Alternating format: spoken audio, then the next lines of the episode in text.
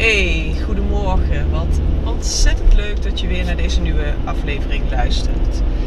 Ik, uh, ik zit in de auto, want dat blijft ook altijd wel een beetje mijn favoriete plek om tegen je te kletsen. Uh, wellicht niet helemaal optimaal voor uh, de geluidskwaliteit, maar dat, uh, ja, dat moeten we dan maar even voor lief nemen. Ehm, het is een hele tijd geleden dat ik een aflevering opgenomen heb. En ehm, ja, enerzijds omdat, uh, omdat ik alleen maar wat opneem als ik het voel. Anderzijds omdat uh, nou, er veel heeft gespeeld bij mij en ik het niet altijd voel om het over te delen.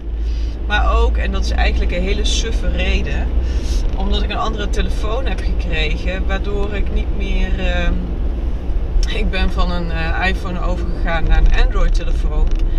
En daar, zit dus niet gewoon een voice recorder meer op. En ik kon geen goede voice recorder vinden. Um, nou ja, om mijn opnames mee te doen. Of tenminste, uh, waarschijnlijk heb ik ook gewoon een hele tijd niet zo hard gezocht. Maar dat terzijde. Um, maar dat hield me dus een beetje tegen om, uh, om wel daadwerkelijk gaan opnemen. Dus uh, ja, en nu doe ik het dus zo, wat ik al zei. Ik ben niet helemaal in mijn sas met de kwaliteit. Maar dat, uh, dat uh, nemen we dan voor nu maar even voor lief. Komt vast een moment dat ik een weg vind om het met betere kwaliteit te kunnen opnemen. Maar goed, anyways. Waar wil ik het nou vandaag met je over hebben? Nou, er komen deze week, en zo gaat dat dan meestal bij mij, een aantal dingen samen die mij tot een, uh, tot een bepaald inzicht brengen. Wat ik dan graag met je wilde delen. En op een bepaalde manier sluit dat wat ik vandaag met je wil delen echt waanzinnig mooi aan bij de vorige aflevering over de drama-driehoek. Dus als je die, die nog niet geluisterd hebt, dan zou ik je zeker aanraden om die ook nog even te luisteren. Uh, de drama-driehoek, even heel kort in de notendop, uh, is een model waarmee je uh, menselijk gedrag, intermenselijk gedrag kunt duiden in verschillende rollen. En ik heb deze week heb ik een aantal gesprekken gehad waarin die drama-driehoek ook iedere keer opnieuw weer aan de orde kwam. Dus hij is bij mij ook even heel actueel. En um, ja, ik blijf het zelf gewoon echt een, een, een heel tof model vinden. Omdat het, het is super simpel. Um, maar het geeft echt onwijs veel inzicht. Dus um, die aflevering is ook echt wel even een aanrader om te, te, om te luisteren als je dat uh, nog niet gedaan hebt. Of om, ja, misschien wil je hem gewoon nog eens opnieuw luisteren. Dat kan natuurlijk ook. Soms soms kun je, uh, als je op een ander tijdstip of na een tijdje iets opnieuw luistert, pik je er weer nieuwe dingen uit op. Maar goed, um, nou, de, de, ik had dus, zoals ik al zei, deze week een aantal gesprekken waar die drama-driehoek uh, naar voren kwam. Wat heel erg helpend was en heel veel inzicht gaf. Um, super mooi natuurlijk, maar dat deed mij ook beseffen dat we als mensen zo ontzettend vaak geneigd zijn om het gedrag van andere mensen en ook ons eigen gedrag op zich wel uh, te willen snappen, om te kunnen duiden, om, om het vervolgens los te kunnen laten. Hè? Dus uh, stel ik kom in een situatie waarin iemand uh, heel boos op mij is. Uh, dan wil ik kunnen snappen waarom die persoon boos is. En daar gebruiken we dan allerlei uh, theorieën of modellen of analogieën voor. Uh, en als ik dan snap waarom die persoon boos is, wat er bij die andere persoon gebeurt, dan, ehm, nou ja, dan kan ik het loslaten en dan ben ik er soort van klaar mee. En eigenlijk, hoewel dat inzicht ontzettend waardevol is, ehm, is dat pas de eerste stap. En laat ik eerst beginnen met waarom het dan wel zo waardevol is om dat wel te doen. Nou, in, in, in de menselijke relaties, in de intermenselijke relaties, um, is vaak heel erg veel ruis. Ik heb het in de podcast volgens mij ook wel eens gehad over projecties over en weer en over hoe belangrijk het is om verantwoordelijkheid te nemen voor je eigen dingen. Alleen heel vaak en bij heel veel mensen lukt dat niet goed. En dat is zonder oordeel, want dat lukt niet goed, omdat we ehm, dan gewoon nog niet in staat zijn om. Uh, oh, ondertussen natuurlijk ook een beetje het verkeer in de gaten houden. Ehm, omdat we niet in staat zijn om de dingen die er in ons aangeraakt worden ten volle te doorvoelen. Om die onder ogen te komen als zijn de dingen die van ons zijn. In plaats van uh, dingen die bij de ander horen. Um, dus om maar even mijn beroemde voorbeeld dat ik best vaak gebruik te nemen. Uh, ons onbewuste. Uh, het is natuurlijk niet op een vaste plek in het lichaam aan te wijzen. In de zin van als je onder een scan gaat, dan kun je zien, nou daar zit ons onbewuste. Maar laten we voor het, voor het gemak het onbewuste eventjes positioneren in onze onderbuik. En ik zeg wel eens in die onderbuik, daar zit, daar zit al onze shit. Daar zitten onze trauma's, onze pijnen, onze angst, ons verdriet, onze boosheid, onze irritaties, ons afgewezen voelen, ons niet geliefd voelen, nou alles. En um, dat zijn vaak momenten in ons leven geweest dat die gevoelens opkwamen en dat we op dat moment niet in staat waren om met de heftigheid van die gevoelens te dealen, zodat ze door ons heen konden bewegen. Dus wat we dan als het ware doen, is dat we zeggen van nou we zetten het eventjes op de parkeerplaats um, in die onderbuik. En op een later moment, als ik wel in staat ben om hiermee te dealen, dan, dan kom ik hierbij terug. En dit, dit zijn uh, dingen die, die nou ja, in ons eigenlijk altijd gebeuren, maar die dus ook heel vaak hun oorsprong vinden in onze vroege jeugd bijvoorbeeld. Omdat we als, als baby, of als peuter, kleuter, kind gewoon simpelweg nog niet de tools hebben om, uh, ja, om, die, om die situaties op te lossen en aan te gaan. Dus we parkeren van alles daar in die onderbuik. Alleen de realiteit leert ons dat we zelden tot nooit, of nou ja, nee, dat moet ik niet zo zeggen, dat we. Uh, we moeten de bewuste keus maken om het innerlijk werk te gaan doen om die parkeerplaats op te ruimen. Als we die bewuste keus niet maken, dan, uh, ja, dan, dan verwoordt die parkeerplaats tot een autokerkhof en uh, ja, dan blijft dat daar. En nou, misschien is er wel een deel in jou wat zegt van, nou ja, oké, maar wat is dan het probleem daarvan? Als dat daar gewoon rustig staat en zit, nou ja, hè? Geen slapende honden wakker maken.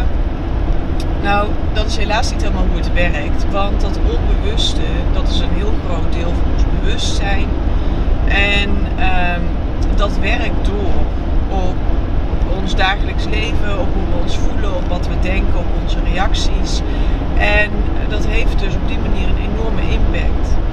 En ik hou altijd heel erg van, van beelden en dingen beeldend uitleggen. En ik zeg dus wel eens van al die dingen die daar in onze onderbuik op die parkeerplaats staan. Daar, hebben daar, daar gaat een draadje naar buiten. En aan dat draadje zit zo'n grote rode alarmklop. Uh, die, je, die ook bij spelletjes en zo ziet. En um, nou, soms dan komt er eens iemand langslopen en die ziet die knop en die is zich van geen enkel kwaad bewust. En die ramt gewoon een keer op zo'n knop omdat het kan. Um, en dat is dan wat ze noemen een trigger. En wat we dan als mensen uh, uh, graag doen, is dan uh, boos worden of verdrietig worden of wat dan ook. En dat dan richten op die ander en zeggen van hé, hey, jij hebt op die knop geduwd. Dus het is jouw schuld dat ik me nu zo voel. En wat we dan voor het gemak maar even vergeten is dat die knop van ons is. En dat wij hem daar uitgestald hebben. En dat het dus onze verantwoordelijkheid is dat er überhaupt iemand is geweest die, die de kans had om op die knop te duwen. Um, en, en dat proces, waarbij we dus niet die verantwoordelijkheid nemen, waarbij we eigenlijk de ander als het ware de schuld geven van hoe we ons voelen dat gebeurt over en weer. En in zijn meest subtiele vormen. Um, en wat het, het resultaat daarvan, de consequentie daarvan, is dat eigenlijk heel veel van onze communicatie en heel veel van ons intermenselijk contact, dat dat. Um, uh, uh, dat daar heel veel ruis op zit. Dat er heel veel ruis op zit omdat we uh, dingen neerleggen bij anderen die niet bij anderen horen. En dingen die bij ons horen niet bij ons houden.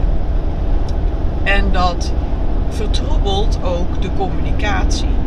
En wat je dan gaat zien is dat er heel vaak een soort van pingpongspel tussen mensen gaat plaatsvinden. Waarbij je reactie op reactie op reactie krijgt. Ehm, en die reactie, die, dat is niet een reactie op wat de ander doet of zegt, maar dat is een reactie op, op het effect van het doen of zeggen van de ander op jouzelf. In jouzelf. Nou, dus um, om weer even terug te gaan naar dat voorbeeld uh, waar ik mee begon, hè, met het begrijpen van andermans gedrag.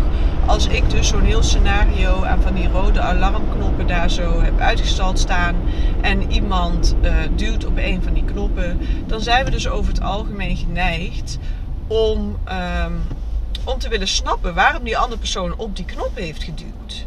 En dat brengt ons dan een soort van rust. Want dan denken we van, oh oké, die ander die voelt zich zo. En daarom duwt hij op die knop. En um, nou ja, oké, dat doet dan dus wel wat bij mij. Maar dat kan ik dan laten rusten. Want er is een reden voor dat die ander op die knop heeft geduwd. Nou ja, dat is op zich genomen allemaal mooi en wel. En als het je meer gemoedsrust brengt, dan um, is het dus in een bepaalde mate ook functioneel.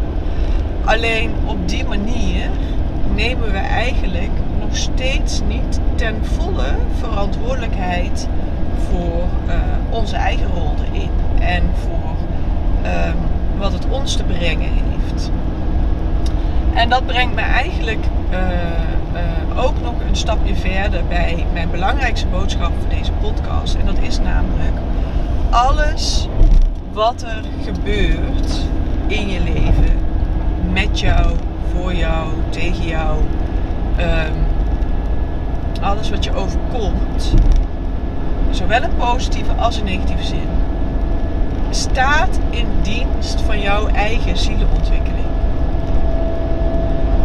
En op het moment dat je dat kunt grijpen, dan, dan verandert je hele leven. Verandert alles. En ik zal hem uitleggen. Dus zoals ik al zei, we zijn geneigd om te willen begrijpen waarom die andere persoon in hemelsnaam op die rode alarmknop bij mij wil, wil uh, duwen. En het liefst willen we het daarbij laten. En dat is zo omdat um, als wij verder doorpakken op oké, maar wat is dan mijn verantwoordelijkheid erin? Wat wordt er in mij aangeraakt? Waarom voel ik mij zo? Welke herinnering aan afgewezen worden? uh, of aan niet erkend worden of wat dan ook, ligt hier aan ten grondslag. Uh, ja, dat is pijnlijk en confronterend en ongemakkelijk.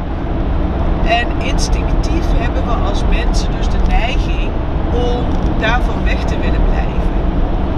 Om te denken van, nou oké, als ik snap wat die ander doet, dan is het wel best. En, uh, en, en snappen waarom ik hier zelf zo op reageer. Nou ja, dat, dat heel vaak komt dat nog niet eens in ons op. Dus um, het is niet per se comfortabel om dat aan te gaan. Alleen het is wel de enige manier om als het ware dat deurtje van die onderbuik, van dat onbewust open te zetten en daar dingen uit los te laten. Dingen uh, te transformeren. Om angst te transformeren naar uh, naar liefde. Om onzekerheid te transformeren naar zekerheid. Om weglopen, vluchten te transformeren naar verantwoordelijkheid nemen. Enzovoort, enzovoort, enzovoort. Dus um, het is een enorme kans om een stukje van jezelf onder ogen te komen. En om dan terug te komen op wat ik zei, wat, wat mijn belangrijkste boodschap is voor deze podcast. Dat alles gebeurt in dienst van jouw ontwikkeling. Als iemand dus op zo'n rode alarmknop van jou slaat. En dat triggert een gevoel in jou. Boosheid, irritatie, angst, verdriet. Noem het maar op. Maakt niet uit. Dan geeft die ander jou eigenlijk als het ware een cadeautje want als je dat cadeautje zou gaan uitpakken, dan zie je dat door die handeling van de ander jij een stukje van jezelf kunt herontdekken. Jij een stukje van jezelf weer ehm, kunt integreren. En daar weer verantwoordelijkheid voor kunt nemen. En je dus weer een stukje meer heel kunt worden. Dus het is een kans. Een kans en een cadeautje. Omdat we, om, omdat we daarvoor wel door iets heen moeten wat niet heel fijn voelt. Uh, ja, en, en, en, en, uh, en we dat dan dus bijvoorbeeld ook niet doen, uh, komen we nooit op, dat plek, op die plek dat we ook daadwerkelijk kunnen ervaren dat het een cadeautje is. Dus we moeten wel echt even door dat oncomfortabele, door dat ongemak heen van het onder ogen komen, van het doorvoelen. Um, om ook het genot en het plezier en de lichtheid en de vrijheid te ervaren die gepaard gaat met het hele van stukken van jezelf.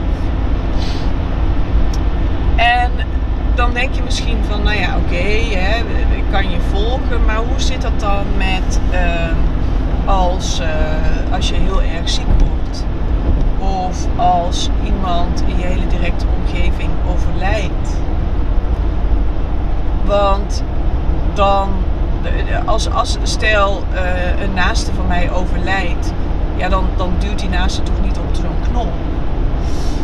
En heel feitelijk natuurlijk niet, maar het concept blijft hetzelfde. Het overlijden van een ander raakt een verliesangst aan, raakt misschien eenzaamheid aan, raakt misschien de angst aan dat, uh, dat je het alleen niet kan. Uh, of dat je de angst aan dat je uh, nooit meer kunt zeggen dat je van diegene houdt. Of uh, raakt boosheid aan. Waarom, waarom moet mij dit overkomen? Weet ik veel wat. En dat is wat er getriggerd wordt. Dus ook al dat soort situaties raken iets binnenin ons aan die op het moment dat we ze onder ogen kunnen komen, op het moment dat we ze kunnen doorvoelen, uh, uh, een cadeau voor ons uh, in zich dragen. En je, je rationele mind, je hoofd, die denkt misschien echt van ja, maak het even René hoe kan het, het, het overlijden van bijvoorbeeld een naaste een cadeau voor me zijn? En daarvoor moet je begrijpen dat er, dat er verschillende uh, uh, dimensies zijn, als het ware. Hè? In, ze zeggen wel eens, de wereld waarin we leven is de 3D-wereld. In die wereld, vanuit het uh, beperkte menselijke perspectief is het overlijden van een ander een verlies. Maar er zijn ook andere dimensies waarop dat helemaal niet zo eenduidig het geval is. Um, in, vanuit het 3D-perspectief betekent het overlijden van iemand dat het contact verbroken is. Maar er zijn andere dimensies waarin dat helemaal niet opgaat. Dus um, en, en, en zo is het dus ook met, met onze belevingen. Hè? We hebben een soort van 3D-beleving van verlies. En dat kan nooit meer echt helemaal goed gemaakt worden. En dat, dat wordt vaak niet als een cadeau ervaren. Maar in het proces van bewustzijn en van je persoonlijke ontwikkeling kan die verlieservaring er dus wel toe leiden dat je jezelf vrij maakt, dat je jezelf hield van bepaalde uh, overtuigingen, pijnen, processen, trauma's, noem maar op, die jij in jezelf um, opgeslagen had, die in jouzelf geprogrammeerd zijn geweest. Dus um, ik wil dus ook helemaal niet zeggen dat als je iemand verliest die je nabij is, dat dat geen verdrietige gebeurtenis zou zijn. Hè? Of dat je daar dat je daar, nee, juist niet. Uh, het is een uitnodiging om het juist helemaal ten volle te doorvoelen. En in wezen geldt dat precies hetzelfde voor als je bijvoorbeeld uh, zelf ziek wordt. Gediagnosticeerd wordt met een, uh, nou ja, een, een, een zogenaamd ongeneeslijke ziekte bijvoorbeeld. Ehm, dan is het niet zozeer een ander die jou iets aandoet, maar de ziekte die jou als het ware iets aandoet. De ziekte die iets in jou triggert. De ziekte die de angst voor de dood in jou triggert. De ziekte die ehm, het verlies van gezondheid um, triggert en uh, daarin uh, je verdrietig maakt. die de angst om nou ja, afscheid te moeten nemen van naasten uh, kan triggeren. En alle gevoelens die daarbij, die daarbij horen. Dus ook in dat geval um, kun je hetzelfde patroon herkennen. Alleen het is dan of de ziekte of het verlies van een naaste of wat het dan ook is, die als het ware op die rode alarmknop bij jou duwt. En dat is dan nog niet helemaal alles. Want um, ik ben er zelf ook van overtuigd dat alles wat er in ons leven gebeurt, uh, dus. Uh, oh, excuus, ik was even afgeleid door het verkeer. Ik ben er ook van overtuigd dat alles wat er in ons leven gebeurt, gebeurt in dienst van de ontwikkeling van onze ziel. En um, misschien herken je het wel uit je eigen leven of zie je het wel eens bij anderen.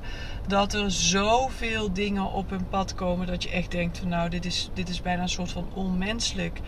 Um, veel overlijdens bijvoorbeeld. Of uh, nou ja, hè, gewoon veel heftige dingen.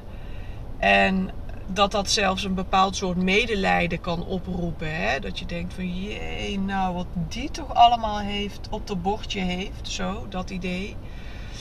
En um, als, als, weer even terug naar het voorbeeld van die alarmknoppen. Als iemand op die alarmknop duwt en um, iemand op die alarmknop duwt en ik uh, ga van alles doen, maar ik ga niet dat gevoel onder ogen komen.